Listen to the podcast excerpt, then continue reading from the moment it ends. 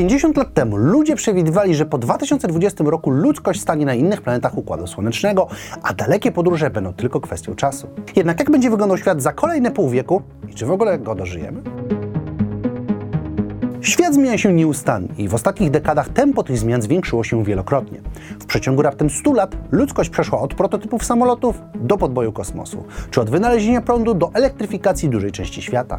Wszystko działo się tak szybko, że ludzie w latach 40. i 50. poprzedniego wieku patrzyli na XXI wiek jak na odległą i niezwykłą przyszłość, gdzie wszystko będzie możliwe. Dużo było w tym optymizmu i fascynacji. Rzeczywistość jednak zweryfikowała te marzenia, a my patrzymy w przyszłość już bardziej realistycznie, żeby nie powiedzieć, że pesymistycznie. Kolejne pięć dekad zapowiada się na niezwykle interesujący okres w rozwoju ludzkości. Już w tym momencie jest nas na Ziemi więcej niż było kiedykolwiek wcześniej, a będzie nas jeszcze więcej. Do 2072 roku będzie nas na świecie 10,5 miliarda, przy czym 2 trzecie nowych ludzi pojawi się w Afryce. Co interesujące, według raportów ONZ będzie to raptem 300 milionów mniej ludzi niż osiągniemy w 2100 roku, sugerując, że przyrost zahamuje. Ma to sens, patrząc na inne wskaźniki, chociażby wskaźnik urodzeń. Ten będzie regularnie spadał, kiedy mniej dzieci będzie umierać, a coraz więcej osób dożywać późnej starości. Dziać się tak będzie dzięki rozwojowi i dostępności medycyny. Nad tym pracujemy już kilkanaście lat i już teraz widzimy pozytywne zmiany. Przyczyni się też do tego migracja, szczególnie ta przyciągająca ludzi do ośrodków miejskich. W 2075 roku szacuje się, że dwa z trzech największych miast na świecie znajdą się w Afryce, w krajach takich jak Demokratyczna Republika Konga czy Nigeria. O ile rzecz jasna, miasta te będą zdatne do przeżycia, bo inne raporty wskazują na to, że liczne regiony w Afryce staną się po prostu wrogie. Stanie się tak ze względu na zmiany klimatyczne, które znacząco przyspieszyły wraz z rozwojem przemysłu. Nawet 3 miliardy ludzi będą żyły w pobliżu temperatur nie do życia, co zmusi wielu do migracji dalej na północ. Przy obecnym poziomie zanieczyszczenia brak działań spowoduje wzrost średniej temperatury świata o 2,4 stopnia. Doprowadzi to do licznych anomalii pogodowych, suszy, powodzi czy trwających w większości roku pożarów. Każdy poniżej 60 roku życia będzie świadkiem świata, który stanie się mniej przyjazny. Każdy poniżej 30 roku życia będzie musiał w nim żyć. Według obecnych modeli do 2070 roku 1 trzecia świata będzie żyła w miejscach z temperaturą średnio przekraczającą 29 stopni Celsjusza. W tym momencie jest to 1% powierzchni Ziemi, a przez najbliższe 50 lat obszar będzie 19 razy większy. Wpłynie to też na ekosystem. Przy takiej temperaturze praktycznie żadna rafa koralowa nie będzie już istnieć. Także Amazonia zmieni się z lasów deszczowych w sawannę. To mocno uderzy w setki gatunków zwierząt, co pociągnie za sobą kolejne konsekwencje. Brak lasów Amazonii to też konsekwencje klimatyczne. To i kilka innych czynników powoduje, że rolnictwo będzie utrudnione w wielu regionach. Masywne opady, które przerywane będą błyskawicznymi suszami.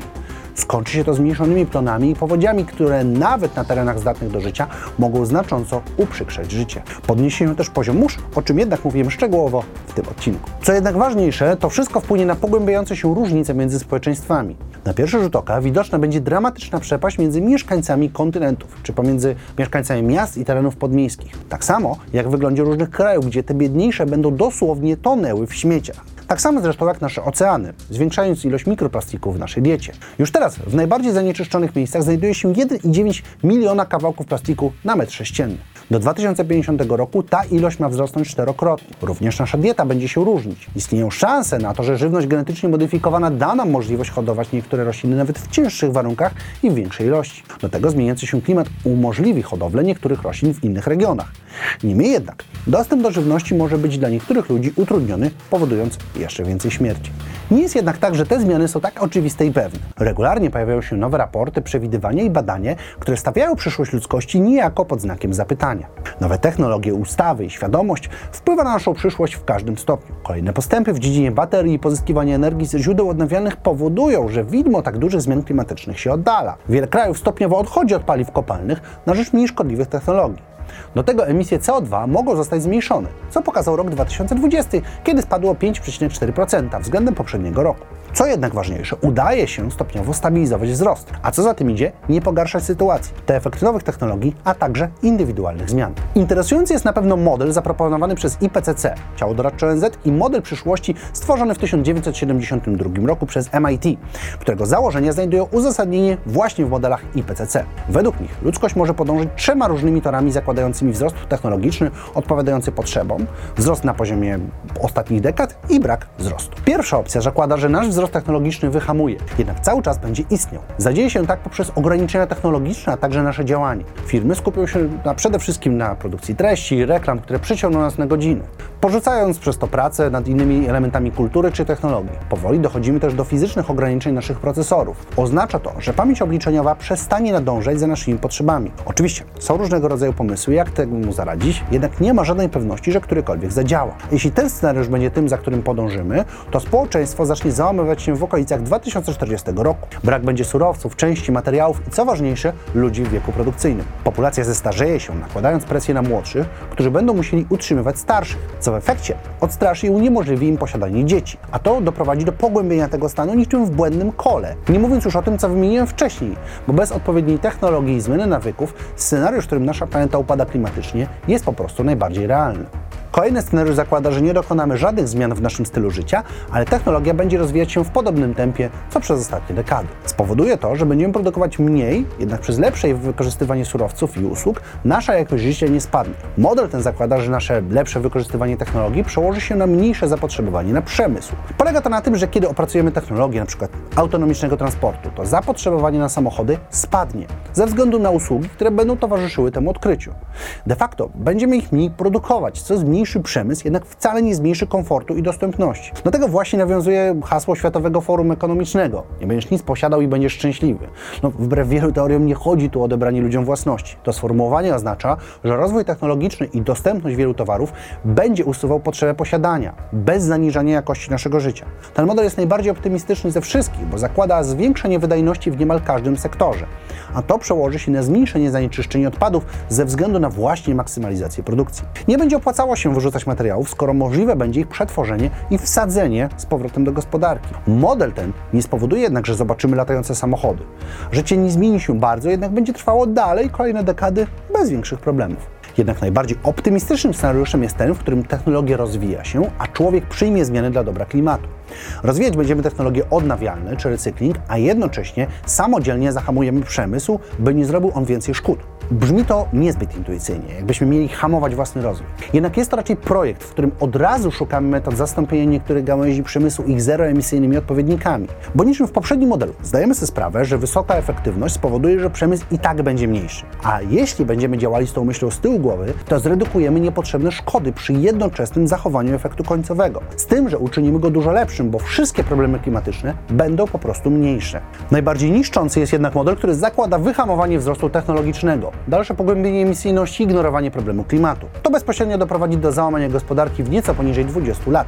Wiele regionów dotknie głód, co zmusi tych ludzi do migracji do innych regionów dotkniętych przez recesję i starzejące się społeczeństwo. Zmiany klimatu przekroczą granice nie do odwrócenia, a populacja na stałe będzie doświadczona klęskami, nowymi wojnami o surowce i innymi nieprzyjemnymi wydarzeniami. Najbardziej pesymistyczny scenariusz, bo zakłada dosłowne wyniszczenie człowieka i cywilizacji i to na dodatek z naszej własnej winy. Najbardziej prawdopodobny wydaje się jednak scenariusz zakładający niewielkie zmiany zmiany w człowieku i dalszy rozwój technologii odpowiadający ostatnim dekadom. Ludzkość będzie wymyślała nowe technologie, odzyskiwała surowce i powoli przechodziła na niskoemisyjne rozwiązania ze względu na ich opłacalność, a także zmiany w prawie. Zwiększa się świadomość ludzi, co jest możliwe do zaobserwowania w społeczeństwie. Do tego technologie recyklingu odnawialnych źródeł energii czy inne stają się coraz lepsze, a w wielu innych sektorach stoimy na granicy kolejnych zdumiewających odkryć, które przy dobrych wiatrach mogą popchnąć nas jeszcze dalej niż zakłada model. Zmieniać przyszłość możemy też przez inne wybory dotyczące naszego życia. Tutaj z pomocą może przyjść Tetra Pak i ich nowa technologia zakrętek przymocowanych do opakowań. To kolejny krok, by poradzić sobie z jednym z największych źródeł odpadów, czyli właśnie opakowań. Tetra Pak to jeden z liderów branży przetwórstwa i pakowania żywności, którego główny cel w zakresie zrównoważonego rozwoju to stworzenie najbardziej zrównoważonego opakowania na żywność. Cechy takiego opakowania to zawartość surowców odnawialnych i pochodzących z recyklingu, możliwość poddania pełnemu recyklingowi i neutralność klimatyczna. Firma Tetra Pak już teraz korzysta w dużej mierze z surowców odnawialnych, certyfikowanej tektury i trzciny cukrowej, zmniejszając wydobycie surowców kopalnych. Dodatkowo, jeśli zgnieciemy i wyrzucimy puste opakowanie do żółtego pojemnika, to zostanie one poddane pełnemu recyklingowi. Zostaną odzyskane cenne surowce, a materiały dostaną drugie życie. To wszystko dzieje się bez straty na wygodzie, bo zakrętki Tetra Pak są proste do otwarcia, a inne usprawnienia pomagają z codziennym wykorzystaniem opakowań. To jeden z pierwszych kroków, by realizować założenia dyrektywy dotyczącej plastikowych przedmiotów jednorazowego użytku, która od 2024 roku obowiązywać będzie w całej Unii Europejskiej. Więcej informacji dotyczących Tetra Pak znajdziecie w opisie, a my wracamy do odcinka. Dalszy rozwój sztucznej inteligencji powoduje, że do 2030 roku będzie ona zajmowała nawet 800 milionów miejsc pracy. Automatyzacja może przyczynić się do usprawnień wielu gałęzi przemysłu, a w efekcie zmniejszenia zanieczyszczenia. To samo stanie się, gdy technologia pojazdów elektrycznych rozwinie się jeszcze mocniej i zacznie zastępować obecne pojazdy zasilane paliwami kopalnymi. Szczególnie jednak ważne jest nie tylko ograniczenie dokładania zanieczyszczeń, ale redukcja tych, które obecnie znajdują się na naszej planecie. Nie można też nie wspomnieć o np. samochodach autonomicznych, których działanie usprawni ruch samochodowy, a przez to zmniejszy korki zanieczyszczenia, które w nich powstają. Kolejne technologie zasilania pojazdów mogą też przełożyć się na zmniejszenie zanieczyszczenia pochodzącego np. z ruchu samolotowego. Istnieją teorie, dzięki którym już w 2024 mogą pojawić się pierwsze samoloty napędzane wodorem, a więc ze zmniejszoną emisją. Podobne próby z wynalezieniem alternatywnych metod napędu prowadzone są we wszystkich sektorach, a teraz mogą przyspieszyć ze względu na wdrożenie nowej dyrektywy Unii Europejskiej, na mocy której w Europie do 2035 roku ma zatrzymać się sprzedaż samochodów spalinowych. Tutaj można wymienić kilkanaście inicjatyw, które oczyszczają naszą planetę. Jedną z nich jest chociażby stymulowanie rozwoju fitoplanktonu w oceanach, który pochłaniać będzie CO2.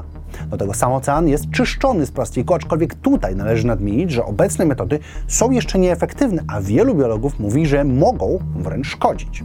Mimo dużej promocji wielu akcji oczyszczenia oceanu czy wielu sprytnych wynalazków, które wydobywają z niego odpady, te akcje są po prostu za małe. To niczym opróżnianie wanny za pomocą łyżki, no bo plastiku jest coraz więcej. Dlatego największym problemem nie są te odpady, które można wydobyć za pomocą siatek i rąk, a te, które są bardzo drobne.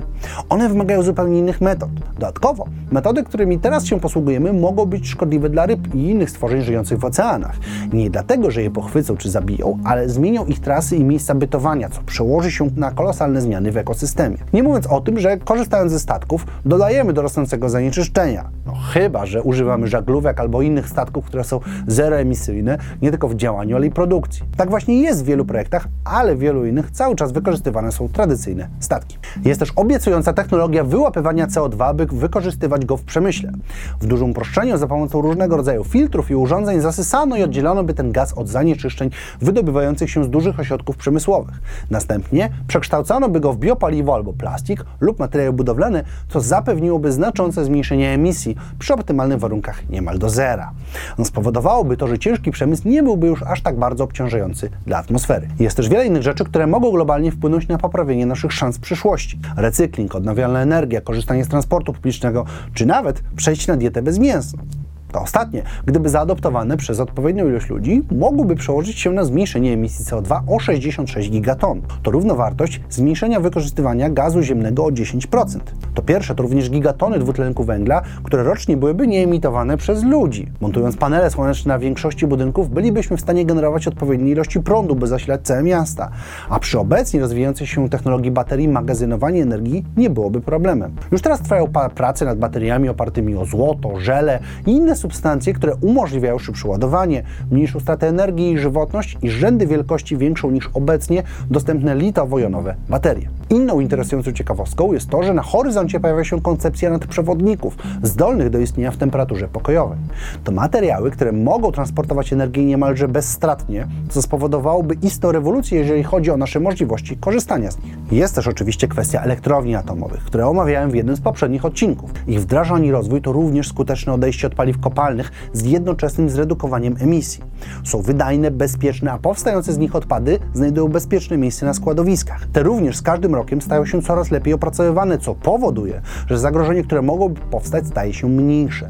Wielu ludzi to właśnie w atomie widzi potencjał, zwłaszcza, że technologia ta jest dużo stabilniejsza niż OZE i jest kluczowa przy transformacji energetycznej. Z pewnością jest jednak wiele innych metod działania na korzyść naszej planety. Pojawiają się kolejne zdumiewające technologie albo dopracowywane są te, które są nam znane. Rośnie też wskaźnik recyklingu i surowców odnawialnych, ale przede wszystkim nasza świadomość jest coraz większa. Samo to powoduje, że podczas naszego życia myślimy już nie tylko o tym, co tu i teraz, ale też o kolejnych pokoleniach.